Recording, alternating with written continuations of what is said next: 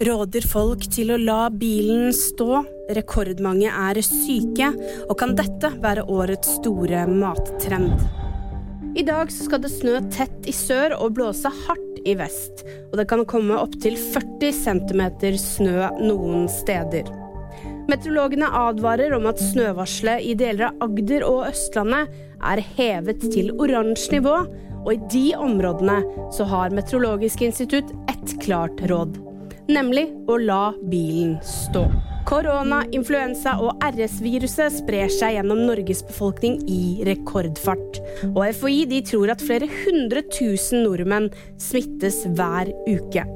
Men hva burde vi egentlig gjøre om vi blir syke nå?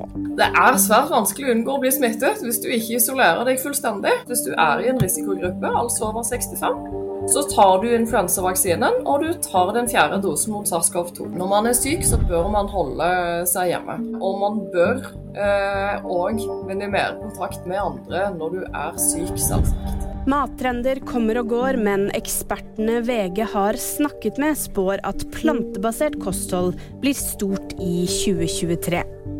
Jeg tror vi vil fortsette å fokusere på plantebasert mat, på å bruke hele råvaren og på å redusere matsvinn, sier Andreas Offenberg. Les mer om årets mattrender på godt.no. VG-nyhetene fikk du av meg, Ida Aaberg Evensen.